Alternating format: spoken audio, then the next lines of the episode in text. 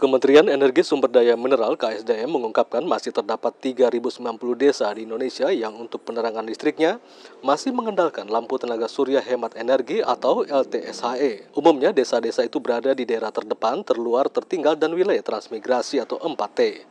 Menteri ESDM Arifin Tasrif mengatakan desa-desa itu memerlukan pasokan listrik yang lebih andal dan berkelanjutan yang di antaranya melalui pembangunan pembangkit listrik berdasarkan potensi energi baru terbarukan atau EBT yang berada di wilayah tersebut. Meskipun rasio elektrifikasi nasional kita sudah mencapai 99,2 persen, namun masih menyisakan sekitar 0,8 persen masyarakat yang belum menikmati listrik masih terdapat desa yang masih gelap gulita. Kata Menteri SDM Arifin Tasrif dalam seminar nasional bertema Peran Patriot Energi dalam pengembangan energi baru terbarukan di Indonesia Senin 29 Agustus.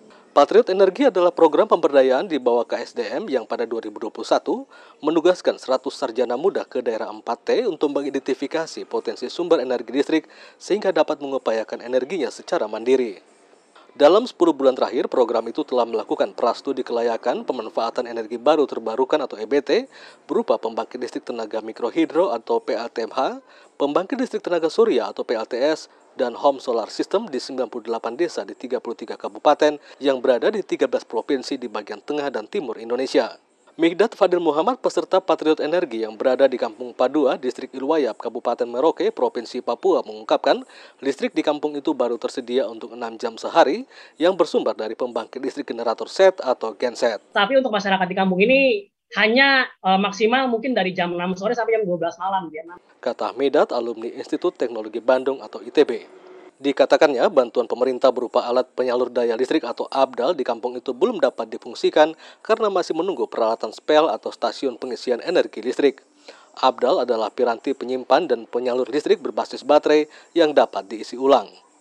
Direktur Jenderal Direktorat Jenderal Energi Baru Terbarukan dan Konservasi Energi Kementerian Energi dan Sumber Daya Mineral Dadan Kusdiana menjelaskan Indonesia memiliki potensi energi baru terbarukan atau EBT sebesar 3.686 gigawatt yang bersumber dari energi surya, hidro, bioenergi, angin, panas bumi, dan laut. Hingga Juni 2022 baru 0,3 persen atau 11.612 megawatt dari total potensi itu yang dimanfaatkan sehingga peluang pengembangan EBT sangat terbuka terlebih didukung isu lingkungan, perubahan perubahan iklim dan peningkatan konsumsi listrik per kapita.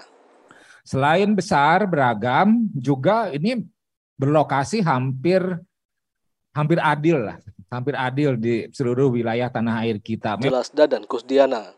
Menurutnya, potensi EBT yang bersumber dari energi hidro tersebar di seluruh wilayah Indonesia, terutama di Kalimantan Utara, Aceh, Sumatera Barat, Sumatera Utara, dan Papua. Dari Kabupaten Poso, Sulawesi Tengah, Yohanes Dita melaporkan untuk VOA Washington.